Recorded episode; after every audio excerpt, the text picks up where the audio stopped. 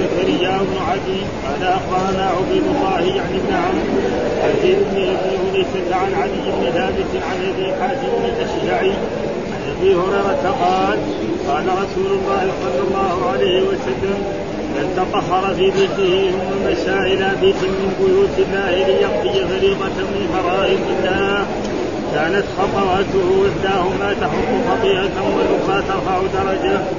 وحدثنا قتيبة بن سعيد قال حدثنا ليث حاء وقال قتيبة حدثنا بكر يعني بن عمر كلاهما عن ابن كلاهما عن ابن الهادي عن محمد بن إبراهيم عن أبي سلمة بن عبد الرحمن عن أبي هريرة أن رسول الله صلى الله عليه وسلم قال وفي حديث بكر أنه سمع رسول الله صلى الله عليه وسلم يقول أرأيتم لو أن نهرا بباب أحدكم يغتسل كل يوم خمس مرات فيبقى من درنه شيء قالوا لا يبقى من درنه شيء. قال فذلك مثل الصلوات الخمس يمحو الله بهن الخطايا. وحدثنا أبو بكر بن شيبة وأبو كريب قال حدثنا أبو معاوية عن الأعمش عن أبي سفيان عن جابر بن عبد الله قال قال رسول الله صلى الله عليه وسلم مثل الصلوات الخمس كمثل مهيجان رمل على باب أحدكم يغتسل منه كل يوم خمس مرات. قال قال الحسن ولا يبقي ذلك من الدرن قال حدثنا أبو بكر بن شيبة وزهير بن حرب. قال حدثنا يزيد بن هارون. قال أخبرنا محمد بن مطلب عن زيد عن عطاء بن يسار عن ابي هريره عن النبي صلى الله عليه وسلم. من غدا إلى مسجد أو أعد الله له في الجنة.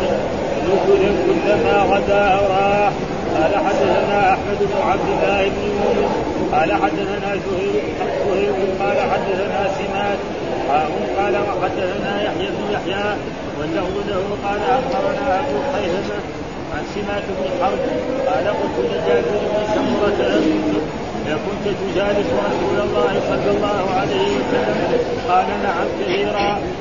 قال نعم كثيرا كان لا يقوم من مصلاه الذي يصلي فيه الذي يصلي الضحى والغداة حتى تطلع الشمس فإذا طلعت الشمس قام وكانوا يتحدثون فيأخذون في أمر الجاهلية فيضحكون ويتبسم وحدثنا أبو بكر بن شيبة قال حدثنا وكيع عن سفيان قال أبو بكر وحدثنا محمد بن مسلم عن زكريا كلاهما عن سماك عن جابر بن سمرة أن النبي صلى الله عليه وسلم كان إذا صلى الفجر جلس في مصلاه جلس في مصلاه حتى تطلع الشمس.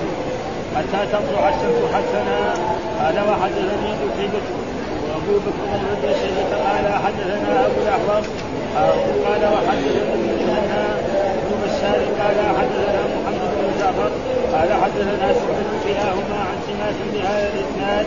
ولم يقولا حدثنا قال وحدثنا هارون معروف واصحاب بن موسى الانصاري قال حدثنا انس بن عياض قال حدثنا في روايه هارون في حديث الأنصاري وفي حديث الأنصاري حدثني الحارث عن عبد الرحمن بن مهران عن عبد الرحمن بن مهران مولى أبي هريرة عن أبي هريرة أن رسول الله صلى الله عليه وسلم قال أحب البلاد إلى الله مساجدها وأقرب البلاد إلى الله أسواقها. يكفي أعوذ بالله من الشيطان الرجيم. بسم الله الرحمن الرحيم. الحمد لله رب العالمين والصلاة والسلام على سيدنا ونبينا محمد وعلى آله وصحبه وسلم أجمعين. قال الإمام الحافظ أبو الحسين مسلم بن الحجاج القشيري النسابوري رحمه الله تعالى والترجمة ثواب المشي إلى الصلاة. فإن الذهاب المشي إلى إلى الصلاة المفروضة فيها أجر عظيم يقوم الإنسان من بيته بعدما تطهر توضأ واغتسل من الجنابة ثم يأتي إلى المسجد ففيها ثواب عظيم. كلما رفع رجله رفعت له درجة وكلما حط رجله حط فيها ذهابا وايابا. هذا اجر ثواب ولذلك قال ثواب المشي الصلاه إيه ثواب؟ أن كلما رفع رجله رفعت له درجة وكلما حط رجله حط فيها ذهابا وايابا. وهذا يطابق إيه؟ الحديث الذي سابق وهو حدثنا إسحاق قال الإمام مسلم حدثنا إسحاق بن أخبرنا زكريا بن عدي قال أخبرنا عبيد الله يعني بن عمرو عن زيد بن أبي انيسه عن عدي بن ثابت عن أبي حازم عن أبي هريره قال قال من تطهر في بيته. التطهر هذا قد يكون إيه؟ تطهر البيت من الحدث الأصغر أو الأكبر. يكون إيه؟ في الدولة الغائب يتوضا عليه جنابة يغتسل ثم مشى إلى بيت من بيوت الله.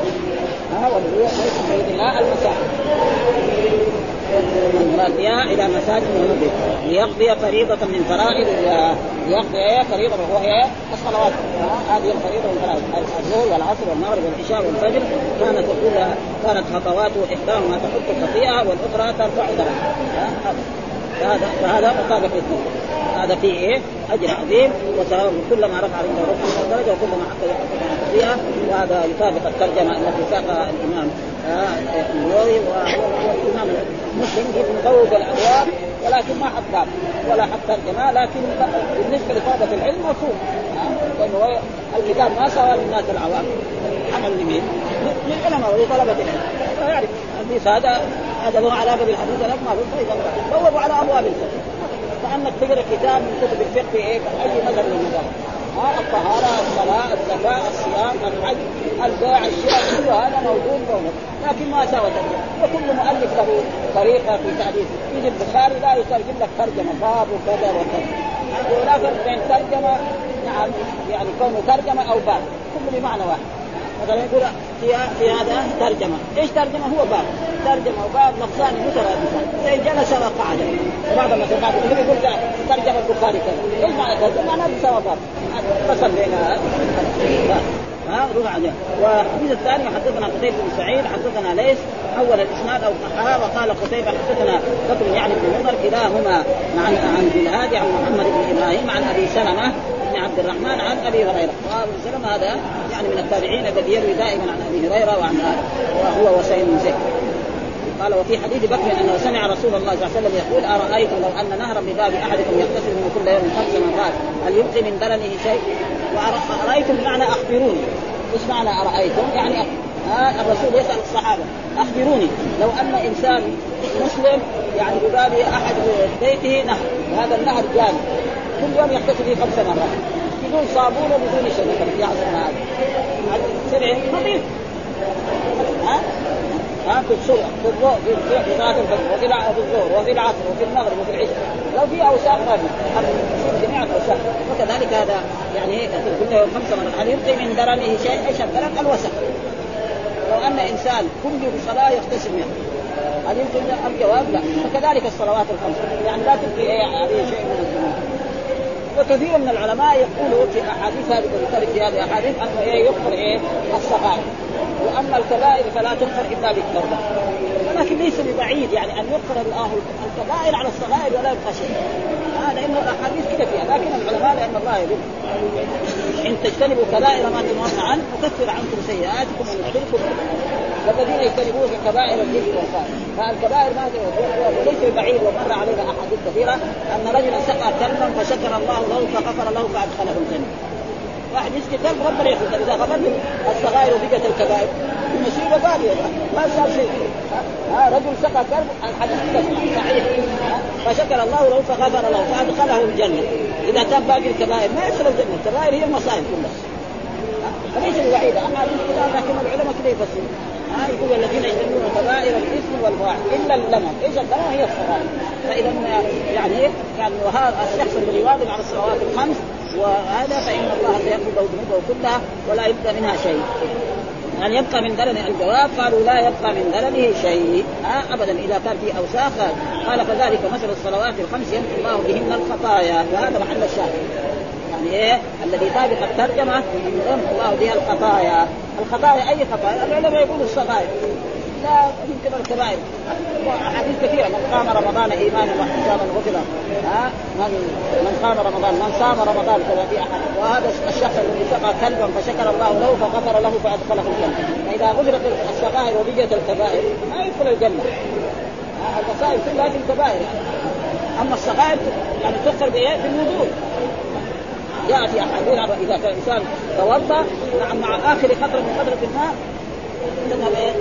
والمراد إيه؟ الصغائر هذا حديث برضه يعني هذا مطابق إيه؟ للترجمه بعد ذلك قال حدثنا كذلك أبو بكر بن ابي شيبه وابو كريب قال حدثنا ابو معاويه عن الأعمش عن أبي سفيان عن جابر وهو جابر بن عبد الله الأنصاري قال قال رسول الله صلى الله عليه وسلم مثل الصلوات الخمس ومثل نهر نهر جار غمر يعني يجري امام بيته وغمر يعني كثير إيش معنى؟ غمر يعني كثير هذا الجهاز يغتسل منه كل يوم خمس مرات.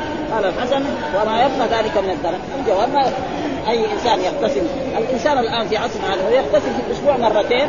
ما يبقى منه لا رائحة ولا أشياء كريهة ولا شيء. أو في الجمعة إلى الجمعة. فما بال إذا كان خمس مرات. فلذلك وهذا يعني من الاحاديث التي تدل على أن المحافظة على الصلوات الخمس خصوصا في جماعة المسلمين فإن الله سيغفر له الذنوب كله ولا يبقى منها شيء ابدا. والحديث الثاني كذلك حدثنا ابو بن ابي شيبة وزهير بن حرب قال حدثنا يزيد بن هارون قال أخبرنا آه، محمد بن مطرف عن زيد بن أسلم عن عطاء بن يسار عن أبي هريرة. كل الاحاديث عن النبي صلى الله عليه وسلم قال من غدا إلى المسجد أو راح أعد الله له في الجنة نزلا. كلما غدا أو راح. ها؟ قال من غدا. إيش الغدو؟ يعني الخروج في أول النهار. ها؟ الغدو أول النهار. والرواح الغدو الذهاب بعد الصلاه ها؟ فيسمى إيه؟ صباحا ومساء قال من غدا إلى المسجد. إلى مسجد يؤدي صدريه أو راح. يعني إيه؟ كان في آخر النهار من بعد الزوال أعد الله له في الجنه نزلا. إيش النزل؟ ما يقدم ما يقدم للضيف إذا جاء.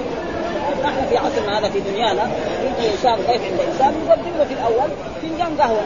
ثم بعد ذلك شاي بعدين بارد بعدين له الطعام فإذا كلما ذهب مثلا المسلم خمس مرات يتردد إلى المسجد. وجاء في أحاديث كذلك أحاديث إذا صلى النوافل بنى الله له بيتا في الجنة. ها؟ إذا صلى اربعا قبل الظهر واربعا قبل العصر ها؟ أحاديث مثل ذلك. فقال غدا أو راح والسبب في ذلك غدا المسجد أو راح اعد الله له. ها؟ أو راح اعد الله له في الجنه نزلا، إيش النزل؟ يعني ما يقدم للضيف كلما غدا أو راح. وهذا كذلك إيه؟ صدق إيه؟ الذهاب إلى المسجد أن الله يحضره يعني في الجنه نزلا معناه يعني الطعام يقدم للضيف ومعلوم أن الكفار إيه؟ يقدم لهم الحميم والزقوم وغير ذلك. المؤمن بغير هذا. ثم ذكر أخرى الامام النووي باب فضل الجلوس في المصلى بعد الصبح وفضل المساجد. كذلك يعني في فضل ثبت عن رسول الله صلى الله عليه وسلم أن الإنسان إذا صلى الصبح يجلس في مجلسه يذكر الله ويستغفره ويهلل أو يقرا القرآن أو يذاكر علما. نعم. فإذا فعل ذلك نعم له من الأجر شيء عظيم جدا. وقد ذكر ذلك أن الرسول كان يفعل ذلك. والرسول قدوه لقد كان لكم في رسول يعني الرسول صلى الله عليه وسلم كان إذا صلى الفجر يجلس في مجلسه وقد ثبت في أحاديث أن الرسول كان إذا صلى الفجر يسأل أصحابه. هل أحد منكم رأى رؤيا؟ فيقول بعض الصحابة يقول أنا رأيت كذا وكذا. فالرسول يفسر لهم هذه الرؤيا. والظاهر هذا كان بس في صلاة الصبح. وأما في الصلوات الأخرى كان الرسول اذا صلى يقوم من الثاني إلى مجلس آخر أو يدخل إلى بيته. هذا الذي يفهم إيه من هذا النص. يعني إذا صلى الرسول الفجر يجلس في مجلس. يعني إيه؟ يعني محل صلى موجود الآن هناك في الروضة. وصلى رسول الله صلى الله عليه وسلم. ما كان يعني في عهد رسول الله صلى الله عليه وسلم. فهذه المحاريب التي توضع في المساجد ما كانت كان هذا مكان مصلى رسول الله صلى الله عليه وسلم. فيجلس في مكانه. بعد أن يستغفر وبعد أن يهلل ويسأل أصحابه هل أحد منكم رأى رؤيا؟ فيقول فلان رأى رؤيا وكان يعني مر علينا في دراستنا أن عبد الله بن عمر كان يحكم مع رسول الله صلى الله عليه وسلم ويصلي. فيسمع الصحابة ابوه أو أبو بكر فكان هو يحب كمان يشوف رؤيا حتى إيه؟ يعني كمان يقص على الرسول و... فحتى مرة من المرات رأى رؤيا يعني أنه اطلق وهو نائم وذهب به إلى النار. وراى النار مبتلى أنها مطويه وحصل له شيء من الخوف. ثم راى إنسان آخر نعم قال إنه رجل صالح اتركوه فقص ما يعني شاب صغير يستحي. قال لها رقية قصة قصة قصتها على رسول الله صلى الله عليه وسلم. فقال قال إنه رجل صالح لو كان يقوم الليل هذا عبد الله بن عمر رجل صالح لكن لو كان يقوم الليل يقول بعد ذلك صار الليل الآن وعلى كل حال في أحاديث كثيرة من صلى يعني العشاء في جماعة فكأنما قام نصف الليل ومن صلى الفجر في جماعة فكأنما قام الليلة كلها فإذا كان فيها ركعتين أربع ركعات يصير نور على نور هذا والله مدح الذين يقومون تتجافى جنوبهم عن المضاجع ربهم خوفا وطمعا ومما رزقناهم ينفقون ولا تعلم نفس ما اخفي لهم إلى غير ذلك وبالاسحار هم يستغفرون. هذه يعني أشياء يعني تبين إيه؟ قال باب فضل الجلوس في مصلى المكان الذي صلى ها بعد الصبح وفضل المساجد. المساجد إيه؟ بيوت الله. وهذه الاضافه إضافة تشريف والا دائما الإضافة في اللغة العربية تكون إيه؟ إما بمعنى اللام أو بمعنى في أو بمعنى آه يعني بمعنى في لما يقول مثلا نوم الليل يعني نوم في الليل آه أو بمعنى من باب ساجد أو باب حديث أو بمعنى اللام البيوت الثانية بيوت من؟ ولذلك الله يقول الكعبه بيت الله والبيوت الثانية إيه؟ لكن هذه بيوت إيه؟ يبال فيها ويتغوط فيها ويجامع فيها. وهذا بيت يحترم يطاف به ويستقبل فيه. فرق هذا هذا دائما. الاضافه دائما. يقول كتاب محمد. كتاب قال وفضل المساجد. المساجد أفضل الدفاع عند الله. وأفضل الاشياء وأشر المحلات يعني في البلاد وفي الأرض. الأسواق. الأسواق ليه؟ لأنه فيها فيها الكذب سلعه يكون يحلف عليها انه اشتراها بكذا ويبيعها ها أو فيها الكذب وفيها الربا وفيها الغش. فلذلك كانت هذه البيوت يعني هذه البيوت فيها فضل. ويكفي ذلك يعني فضل الجلوس في المصلى بعد الصبح وفضل المساجد، إيش الدليل على ذلك؟ قال هذا الحديث حدثنا احمد بن عبد الله بن يونس حدثنا زهير حدثنا سماد حول الإسناد أو حاول قال حديث حدثنا يحيى بن يحيى واللفظ لو قال أخبرنا أبو خيثمه عن سماك بن حرب قال قلت لجابر بن سمرة وهو صحابي أكنت تجالس رسول الله صلى الله عليه وسلم؟ إذا كنت تجلس في غير أوقات السلام على الرسول صلى الله عليه وسلم؟ قال نعم كثيرا. ها لأن هذه يعني مغرم الجلوس مع رسول الله صلى الله عليه وسلم يستفيد علم وكان واجبا أن الإنسان يجلس يتعلم العلم. وكان يجب على كل مسلم أسلم أن يهاجر إلى هذه المدينة ليتعلم العلم. لأنه ما فين يجب العلم ما يجب إلا في المدينة ولذلك كانت الهجرة واجبة على كل مسلم. ها وبعد ما فتحت مكة الرسول قال لا لا هجرة بعد الفتح ولكن جهاد ونيه ما في فقال لا يقوم من مصلى. قال كثير كان لا يقوم مصلى الذي يصلي فيه الصبح أو الغداة. يعني قال إيه؟ الصبح والغداء شيء واحد. يعني هو الراوي هذا شك. هل قال الصبح أو الغداء لأن الصبح والغداء لفظان مترادفان فهو قال واحد. فالراوي شك. فقال إيه؟ الصبح أو الغداء فالغداء هي أي صلاة تكون في الغداء؟ هي صلاة الفجر. والصبح هي هو قال إحدى اللفظين إما قال إيه؟ الصبح أو الغداء. حتى تطلع فإذا طلعت القامة وكانوا يتحدثون فيأخذون فيها. يعني يسأل الرسول يجلس في مجلسه يذكر الله ويصلي النبي صلى الله عليه وسلم وكان الصحابة يجلس في مكان بعيد قليل ويتحدثون عن مثلا امور في الجاهلية. ما بين هذا. مثلا كانوا في الجاهلية يتحاربوا الأنصار كان بينهم من العداوة إيه؟ أشد من العداوة بين إبليس ها؟ يقتل بعضهم بعضا على على قريش كذلك كان. عشان بعير 40 سنة عشان بعير الرسول يعني فالإسلام خاوى بينهم وجعلهم اخوه متحابين. فالرسول كان إيه؟ اما يضحكون يقول نحن كلنا كذا، الواحد كان يدفن بنته وحية. الحين يعطف على الحيوان. رجل يعني رجل عربي تولد له بنت يخليها لما تصير عروسة يأخذها يروح يوديها في حجرة ويدفنها ويرجع كأنه قتل الأسد. هذا الرجل الإسلام يساوى مساواه يعطف على كل حيوان. فقط الإنسان. فالإسلام هو الذي إيه؟ يعني ولذلك قال خياركم في الجاهلية خياركم في الإسلام إذا فقهوا بسبب إيه؟ يعرف الدين إذا عرف كابي بكر الصديق رضي الله تعالى عنه وعمر وغير ذلك فهذا معناه قال إيه والرسول كان في أمر الجاهلية. يعني ما كان يفعلون في الجاهلية مما يناقض الناس فيضحكون ويتبسم الرسول صلى الله عليه وسلم. وهذا في دليل على أن المسألة مثل هذه إذا فعلها الانسان في بدء ضحك ضحكا خفيفا أو هذا فلا بأس. وأن الصحابة كانوا يتكلمون في أمور الجاهلية. زي ما بعض الناس يقول ان إن يعني الكلام المباح في المساجد يأكل الصلاه كما تأكل هذا ليس بحديث وإن كان حديث فهو ضعيف. هذا فالانسان يتكلم يعني أشياء مثلا بيتكلم في اللغة العربية يدرس النحو يجيب ابيات في الغسل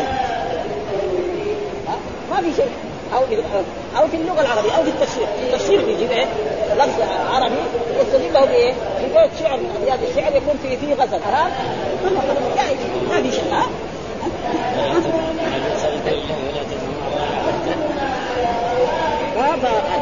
فلذلك الرسول كان إيه يتبسم ما كان يضحك معلومه كانت بين الضحك.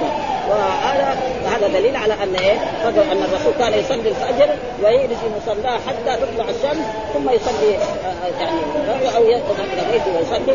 فهذا تقريبا وجاء في أحاديث عن رسول الله صلى الله عليه وسلم أن الذي يفعل ذلك يعقب بإيه؟ بحجة وعمرة تامتين تامتين.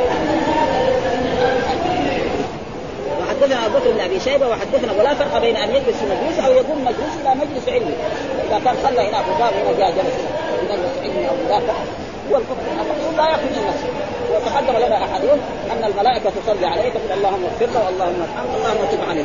ما لم يحدث أو يؤذي. حدثنا أبو بكر بن أبي شيبة حدثنا وكيع عن سفيان قال أبو بكر حدثنا محمد بن بشر عن زكريا كلاهما عن سماك عن جابر بن سمره أن النبي كان إذا صلى الفجر جلس في مصلى. آه حتى تطلع الشمس حسنا يعني حتى ترتفع. ها آه هذا حتى ترتفع ثم بعد ذلك يصلي. وما ذكر هنا أنه يصلي يعني الضحى. ولكن في احاديث أن الرسول كان يصلي أكثر إيه؟ يعني الصلوات النافلة كان يصليها في بيته حتى السنن الرواتب ما كان يصليها الرسول في إيه؟ في مسجده يصليها. وجاءت في احاديث عن رسول الله صلى الله عليه وسلم صلاة الرجل في بيته إلا المكتوبة. كل النوافل كل ما سال وجاء في احاديث لا تجعلوا بيوتكم قبورا ان القبور المقبوره لا يصلى فيها. لازم إيه؟ يجعل لبيته يعني صلوات. والناس الآن كسالى مثلا كسالى لو واحد مثلا صلى الظهر ويبغى يصلي ركعتين قال في بيتي قال ما يرجع ما يصلي. مثلا صلى المغرب يبغى يصلي في يرجع بيته يصليها ما يصلي. يصليها على كل حال. وإلا لو صلى في بيته لكان أفضل. وحدثنا قتيبة كذلك حدثنا قتيبة وأبو بكر قال حدثنا أبو الاحوص حول الإسناد وقال حدثنا ابن المثنى وابن بشار قال حدثنا محمد بن جعفر حدثنا شعبة كلاهما عن سماك بهذا الإسناد ولم يقولا حسنا. يعني إيه؟ حتى ترتفع الشمس قيد هذا ما ولو أخرها إلى ان ترمض الفصال يكون أحسن. يعني قبل الزوال لأن هذا وقت العمل. عمل الدنيا رجل عنده تجارة عنده بيع شراء عنده وظيفة. ما يجوز. ثم بعد الشمس يقدر يصلي لذلك هذا يكون أفضل. حدثنا هارون بن معروف وإسحاق بن موسى الأنصاري قال حدثنا أنس بن عياض حدثنا ابن ابي ذباب في وفي رواية هارون في حديث الأنصار حدثني الحارث عن عبد الرحمن بن مهران مولى أبي هريرة عن أبي هريرة أن رسول الله قال أحب البلاد إلى الله مساجدها. أحب البلاد يعني الأرض إلى الله مساجدها. وابغض البلاد إلى الله أسواقها. ليه؟ لأن المساجد نعم يذكر فيها. وجاء في القرآن إنما يعبد مساجد الله من آمن بالله واليوم الآخر وأقام الصلاة وآتى الزكاة ولم يخشى والمراد به العمارة إيه؟ المعنوية. العمارة المعنوية، العمارة المعنوية للمساجد هو إيه؟ بذكر الله والاستغفار والتهليل وقراءة القرآن والعلم النافع كما علم الشريعة. هذا هذا وعمارة الحسية كذلك فيها أجر ولذلك يقول الله تعالى أيضا لقريش أجعلتم سقاية الحاج وعمارة المسجد الحرام كمن آمن بالله واليوم الآخر وجاهد بالله يستوون عنده. وجاء في أحاديث عن رسول الله من بنى مسجدا بنى الله له بيتا في الجنة. بنى مسجدا بنى الله ومن بنى مسجدا على قدر منحص قطاه منحة قطايا منحة قطايا يعني الطائر. المحل الذي يخرج منه العابرة حقته ما في مسجد ها؟ معنى مهما كان صغيرا هذا المسجد. فله في ذلك أجر وبنى الله له بيتا. لأن الحسنه بعشر أمثال إلى سنه وأبغض البلاد إلى الله اسواق ليه؟ لأن الأسواق يعني يكثر فيها يعني الغش والخداع والربا والأيمان الكاذبة. يقول والله اشتريتها بعشرة وأنا أبيعها لك بثمانية. خسران إثنين. هو كذاب انه اشتراها بثمانية وهو يبيعها بعشرة وهو كسبان إثنين. وهذا موجود يعني. وجاء في ثلاثة لا يكلم الله الانسان ولا يزكيهم ولهم عذاب أليم. وشيء ميزان وعائل مستكبر ورجل جعل الله بضاعة. لا يشتري إلا بيمينه ولا يبيع إلا بيمينه وجاء في احاديث البيعان بالخيار ما لم يشترطها فإن بين بورك لهما في بيع وإن كتبها محقت بركه بيعهما. إلى أحاديث كثيرة من هذا النوع. وهنا يقول عن ذكر الله وغير ذلك. وفي معناه والحق والحق والبغض في ابن الله تعالى اراده الخير والشر.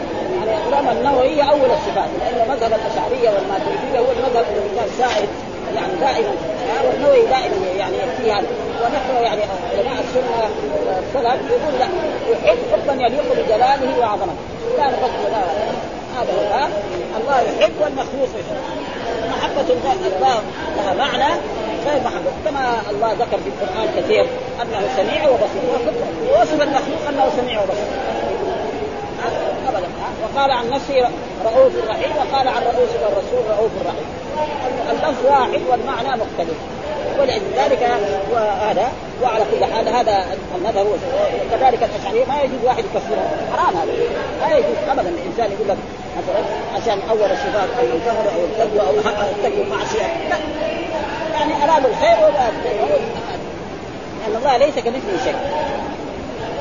وذلك بما اسعده واشقاه والمساجد محل نزول الرحمة والأسواق ضدها ثم ذكر باب من أحق بالإمامة. لأن نحن نقرأ في الصلاة. طيب مين اللي يكون إمام؟ جاءت أحاديث عن رسول الله صلى الله عليه وسلم يؤم القوم أقرأهم لكتاب الله. إذا كان رجل يحفظ القرآن والمراد اللي الصحابة رضوان الله تعالى عليهم كانوا إذا تعلموا عشر آيات من القرآن لم يتجاوزوهن حتى يتعلموا معانيهن والعمل يعني يقرأ عشر آيات يحفظها نعم ويتعلم معانيها ويعمل بها. فإذا دائما إذا يحفظ آيات يكون إيه؟ فقيه. مو زي دحين وجاء في أحاديث أن الصحابة كان فيهم العلم والفقه يعني توفي الرسول ما أظن في 20 صحابي كان لكن الفقه احاديث من جابوها هي يعني كانوا إيه؟ وجاء في احاديث سياتي آخر الزمان ان يكون القراء أكثر من الإيه؟ من الفقهاء. وهذا موجود الآن في عصرنا. كثير لا يحفظ القرآن. وحفظ القرآن في اجر عظيم وفي ثواب ولكن المهم إيه؟ الفقه. ولذلك قال يؤم القوم أقرأهم فإن كان في القراءة سواء فأعلمهم بالسنة، إيش معنى بالسنه؟ يعني بفقه الصلاة، يعرف الصلاة، يعرف ما ينقض الصلاة، يعرف سجود السهو، يعرف أحكام الإمامة، يعرف أحكام السهو، يعرف هذه الأشياء، وواحد يقول مثلا الرسول شهد لابي بانه أقرأ الصحابة، ولما مرض أمر أن أبا بكر يصلي بالناس، قال يؤم القوم أقرأ، كان لازم على كلام الرسول. يجيبوا مين؟ أبي بن كعب. لكن عمر ابو بكر افقهه ولذلك ثم كمان في إرشاد هنا أنه هو الخليفة. ولذلك الامامه ولذلك نصح بعض الصحابه إذا جاء وقت الصلاة وأنت كنت مسافر أو في أي مكان فليؤذن أحدكم. وليؤمكم اقراكم أو في رواية فليؤمكم اكبركم إلى غير ذلك فالامامه لا وقد اختلف العلماء أيهما أفضل الأذان أو أو, أو الإمامة. فبعض النووي الآن يقول لا الأذان أفضل. ولكن الذي يظهر من النصوص لا. لأنه كان لو كان أفضل كان لازم الرسول كمان يصير مؤذن وأبو بكر يصير مؤذن وعمر بن الخطاب وعثمان وعلي و هذا ما كانوا ائمه يعني الإمام والإمام مسؤوليته أكبر. انه مسؤول عن المصلين اللي يصلوا خلفه المؤذن إذا جاء يرفع النهار ويقول هذه الالفاظ والخمسه تعلم سلام. مسؤولية ثلاث أكبر مسؤولية الإمام أكبر من مسؤوليته هذا بالتالي قال إيه؟ يعني المؤذن الإمام ثاني هذا صلاة لو صلى بدون وضوء ومتفرد مسؤول يوم القيامة عنه صلاة المأمومين ما تبطل يعني المفروض اللي صلى هو محدث ما فلذلك قال باب من أحق بالإمامة فإذا أحق بالإمامة أقراهم ثم بعد ذلك أعلم بفقه الصلاة ثم بعد ذلك يعني دمهم هجرة. فإذا وجد كلهم مهاجرين فيكون إيه؟ دمهم هجرة. مثلا يجي في البلد الاولى مثلا أبو بكر. إيش الدليل؟ قال حدثنا قتيبة بن سعيد حدثنا أبو عوان عن قتادة عن أبي نضره عن أبي سعيد الخدري قال قال إذا كانوا ثلاثة فليؤمهم أحد احق بالإمامة أقرأهم. يعني إذا كانوا ناس جماعة مسافرين أو في مكان أو في أرض أو كانوا ثلاثة فليؤمهم احدهم واحق بالإمامة أقرأهم. وقد حصل ذلك أن الرسول صلى الله عليه وسلم لما جاء ناس من العرب وقال يا أم القوم أقرأهم لكتاب الله فإن كانوا قراءة سواء فعليهم السنة بالسنه ذهبوا إلى قريتهم فوجدوا ولد صغير عمره سبع سنوات وكان يعني يقف في الطرق الصحابة رضوان الله وحفظ آيات من القرآن كثيرة. الكبار ما حفظوا هو حفظ سور فلما سمعوا هذا الحديث قدموه للإمام وكان يصلي به. حتى جاء رجل مر عليهم ناس فقراء كانت يعني بعض شيء من عورته أو من تحت يبان فقال غطوا علينا أسد قارئكم هذا. يعني قال لهم غطوا أسد قارئكم. ولا الإمام قاعدكم يعني يعني فخذوا أو أو محلات يعني شيء عورة. فيقول فاشتروا له ثوب جديد ولبسوا طفل صغير لما عمره سبع سنوات أو ثمانية أو عشر سنوات يشتروا له ثوب جديد. بس يفرح به جدا ها والناس يعني كانوا فقراء ولذلك يعني كثير من الناس يرى أن إيه وفي دليل على أن كذلك صلاه المميز جائز. يعني يؤم الناس في إيه؟ في الفريضه لأن الرسول ما أنكر عليهم. وكذلك ذاك الوقت وقت الوحي يمكن الوحي. فلو فرض انه إنما لو كان يعني بالغ يكون أحسن. فليؤمهم احدهم واحق بالإمامة أقرأهم. يعني أقرأهم لكتاب الله. ولا يلزم من ذلك انه يكون حافظ القرآن. ولذلك الآن نسمع مديريه الأوقاف في المدينة يبغى يساوي إمام يقول لك يكون يحفظ ثلاثة أجزاء. إذا يحفظ ثلاث أجزاء من القرآن ويعرف هذا يعينه امام ما هو؟ ما بيشترط انه لازم يكون حافظ القرآن. كان في دليل لمن يكون بتقديم الاقرا على الأفقه وهو مذهب أبي حنيفة وأحمد وبعض أصحابنا. وقال مالك والشافعي الافقه مقدم على الاقرا يعني افقه معناه اللي يعرف أحكام الصلاة. ها يعرف الطهارة ويعرف سجود السهو ويعرف واجبات الصلاة وأركان الصلاة وسنن الصلاة ومستحباتها. هذا حق الإمامة من الإيه؟ الذي يحفظ القرآن. ولا ثم قال حدثنا محمد بن بشار حدثنا يحيى بن سعيد حدثنا شعب أول قال حدثنا أبو بكر بن أبي شيبة حدثنا أبو خالد بن أحمر عن سعيد بن أول الإسناد وحدثنا أبو غسان عن الاصمعي حدثنا معاذ بن حدثني أبي كلهم عن قتادة بهذا الإسناد أنه إذا كانوا ثلاثة فليؤمهم أحدهم وأحق بالإمامة أقرأهم. وكذلك حدثنا محمد بن مسنى حدثنا سالم بن نوح أول الإسناد وقال حدثنا حسن بن عيسى حدثنا ابن مبارك جميعا عن جرير عن أبي نضرة عن أبي سعيد عن النبي صلى الله عليه وسلم. بمثله الحديث هو أن إيه؟ أن يؤمهم أقرأهم بكتاب الله. ثم ذكر حدثنا ابو بكر بن أبي شيبة وأبو سعيد بن أشد كلاهما عن أبي خالد قال أبو بكر حدثنا ابو خالد بن أحمر عن الأعمش عن إسماعيل بن رجاء عن أوس بن ضميع ضميع ضمعجن ضمعجن نعم. ضمعجن عن أبي مسعود الأنصاري. ابن ضم عجن عن أبي مسعود الأنصاري قال قال رسول الله يؤم القوم أقرأهم لكتاب الله. هذا آه تفصيل. يؤم القوم أقرأهم لكتاب الله. فإن كانوا في القراءه سواء فأعلمهم بالسنة. يعني بسنة رسول الله صلى الله عليه وسلم. ومعنى السنة هنا الأحكام. لأن الأحكام تؤخذ من كيف؟ من السنة. آه القرآن بيجي مجمل ثم بعد ذلك السنة هي التي تبين الأحكام. كما قال الله وأنزلنا إليك الذكر لتبين للناس ما نزل اليهم القرآن بين اقيموا الصلاة واتوا الزكاة، مين بين اقامه الصلاة؟ الرسول صلى الله عليه وسلم في السنة بين الظهر والعصر والمغرب والعشاء وبين الزكاة وبين أوقات الحج وكل هذا من سنة رسول الله صلى الله عليه وسلم فإن كانوا بالسنة سواء فأقدمه الهجره ان كانوا بالسنه اقدموا يعني واحد هاجر مع مع رسول الله أو هاجر إلى رسول الله صلى الله عليه وسلم قبله بشهر أو بشهرين أو بسنة أو بسنتين فهو يقدم على الذي هاجر بعده فإن كانوا بالهجره فأقدمهم سلما. يعني إسلاما. سلما معناه إسلاما. وفي رواية سنا. و... فإذا كانوا تشاحوا بالامام آه نقول إيه؟ أقدمهم الهجره كلهم صاروا مهاجرين نقول لا أقدمهم سبعين إلا أسلم. ها واحد اسلم قبل عشر سنوات واحد اسلم بعد هذا يقدم فيه مع ثم قال ولا يؤمن الرجل الرجل في سلطانه. يعني إذا جاء إنسان إلى زائر إلى في بيته فلا يصح له أن يؤمه ويكون إمام. لازم مين يكون مين يكون إمام سواء كان فريضة أو نافلة صاحب البيت. والسلطان يعني زي المملكه الإنسان في بيته ملك. لا يجوز الانسان يجي يصلي يقول لعله هو صفته عالي إلا إذا هو قدم. قدم قبل انت احسن مني وانت احسن مني فقدم لا باس اما هو لا عشان هو الشيخ أو هو العالم أو هذا لا ها ولا يقعد في بيتي على تكريمه، التكريم معناه المكان الذي الانسان يكون له مكان يخصص لنفسه. يعني تجد الانسان له في بيته مكان يجلس فيه، فليس لاحد يغري فاذا قال له انت تفضل هنا أما هو يجلس في هذا المكان هذا معناه على المكان الذي يخصصه الإنسان لنفسه. يعني بعض الناس معروف. ها مكانه هو يجلس فيه فإذا أذن له بذلك فلا بأس بذلك. قال أصحابنا يدخل فيه طائفة احدهم الذين يهاجرون اليوم من ديار الكفر إلى دار الإسلام فإن الهجرة باقية إلى يوم القيامة. ها؟ ها؟ فقيل يوم القيامة عنده وعند جمهوره وقوله صلى الله عليه وسلم لا هجرة بعد الفتح أي لا هجرة من مكة لأنها صارت بلاد إسلام. يعني لا يهاجر. بخلاف أول لما هاجر الرسول قبل ثمانية كل إنسان أسلم في مكة أو في أي بلد من بلدان الله يجب عليه أن يهاجر إلى هذه. وإذا ما هاجر إلى هذه المدينة لا يعرف الأحكام الشرعية. لأنه كل يوم بينزل شيء من الأحكام الشرعية. يقعد في بلد ما يعرف.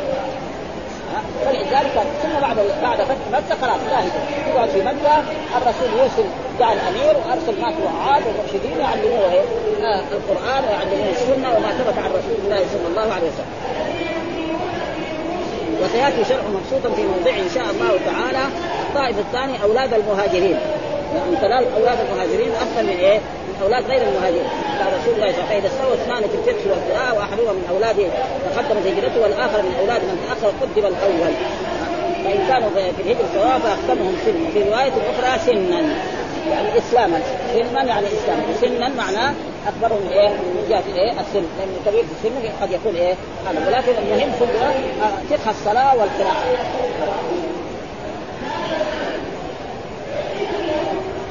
فلا يقضي بإذنه. قال في رواية وكان سنا سنا.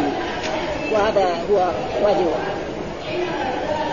قال معناه ما ذكره اصحابنا أن صاحب البيت والمجلس وإمام المسجد أحق من غيره فإن كان ذلك الغير أفقه واقرا مثلا يكون مسجد إمام.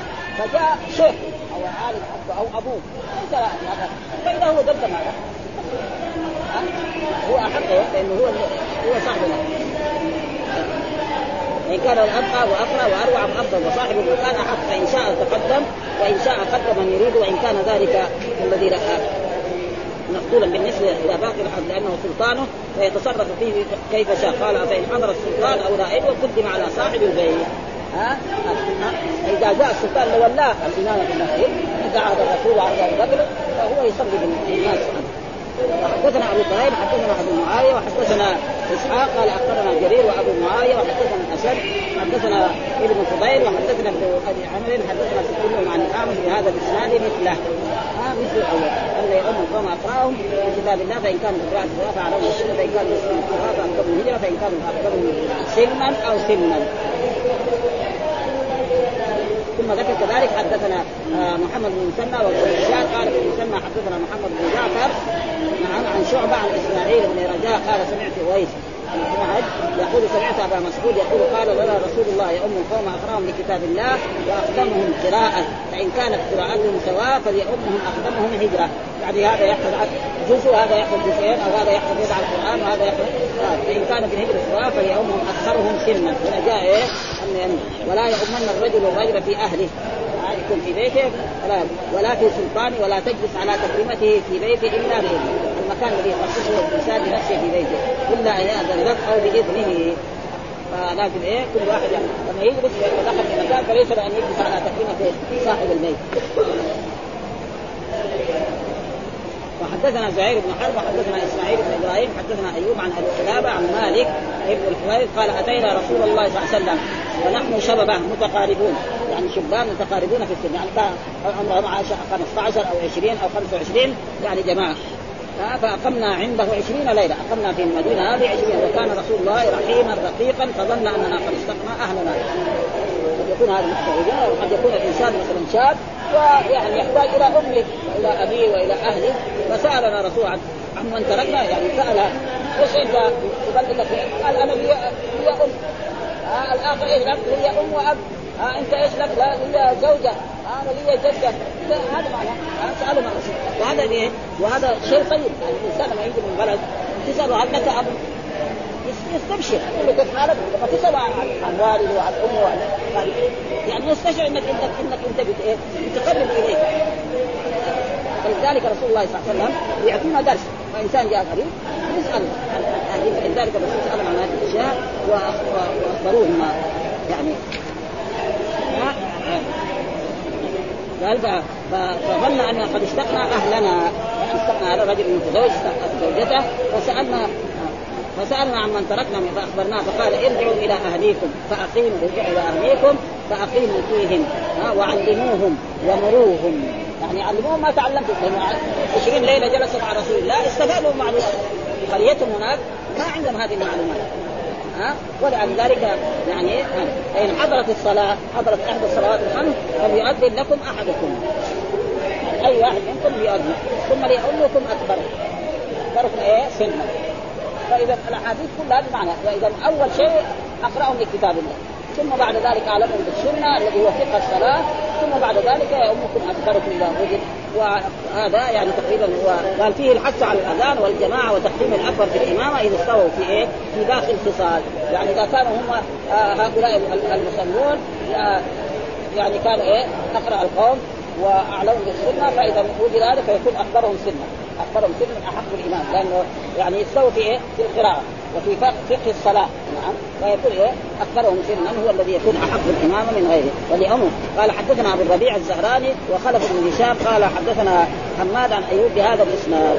واكتبها بمعنى واحد حدثنا أبي عمر حدثنا عبد الوهاب عن أيوب قال قال لي أبو قلابه حدثنا مالك بن خويرث ابو سليمان قال أتيت رسول الله في ناس ونحن شباب متقاربون. واختص جميع الحديث. يعني قال مثل الحديث الأول إن جلسنا عند 20 ليله ثم علم الرسول أننا اشتقنا إلى أهلنا فسألنا من تركتم من اهلكم فكل واحد يقول له أنا تركت أمي وأنا تركت أبي أو تركت كذا زوجتي أو تركت اطفالي الصغار إلى غير ذلك فاخبروه قال أتيت النبي صلى الله عليه وسلم أنا وصاحب لي فلما أردنا الإقتال يعني العودة من عندي قال اذا حضرت الصلاة فاذنا اذا حضرت الصلاة فاذنا يعني واحد منكم ياذن لازم اثنين ها؟ ثم اقيما ها؟ يعني كذلك يقيم بعد ذلك ولامكما أكبركما. وهذا محل الشاهد.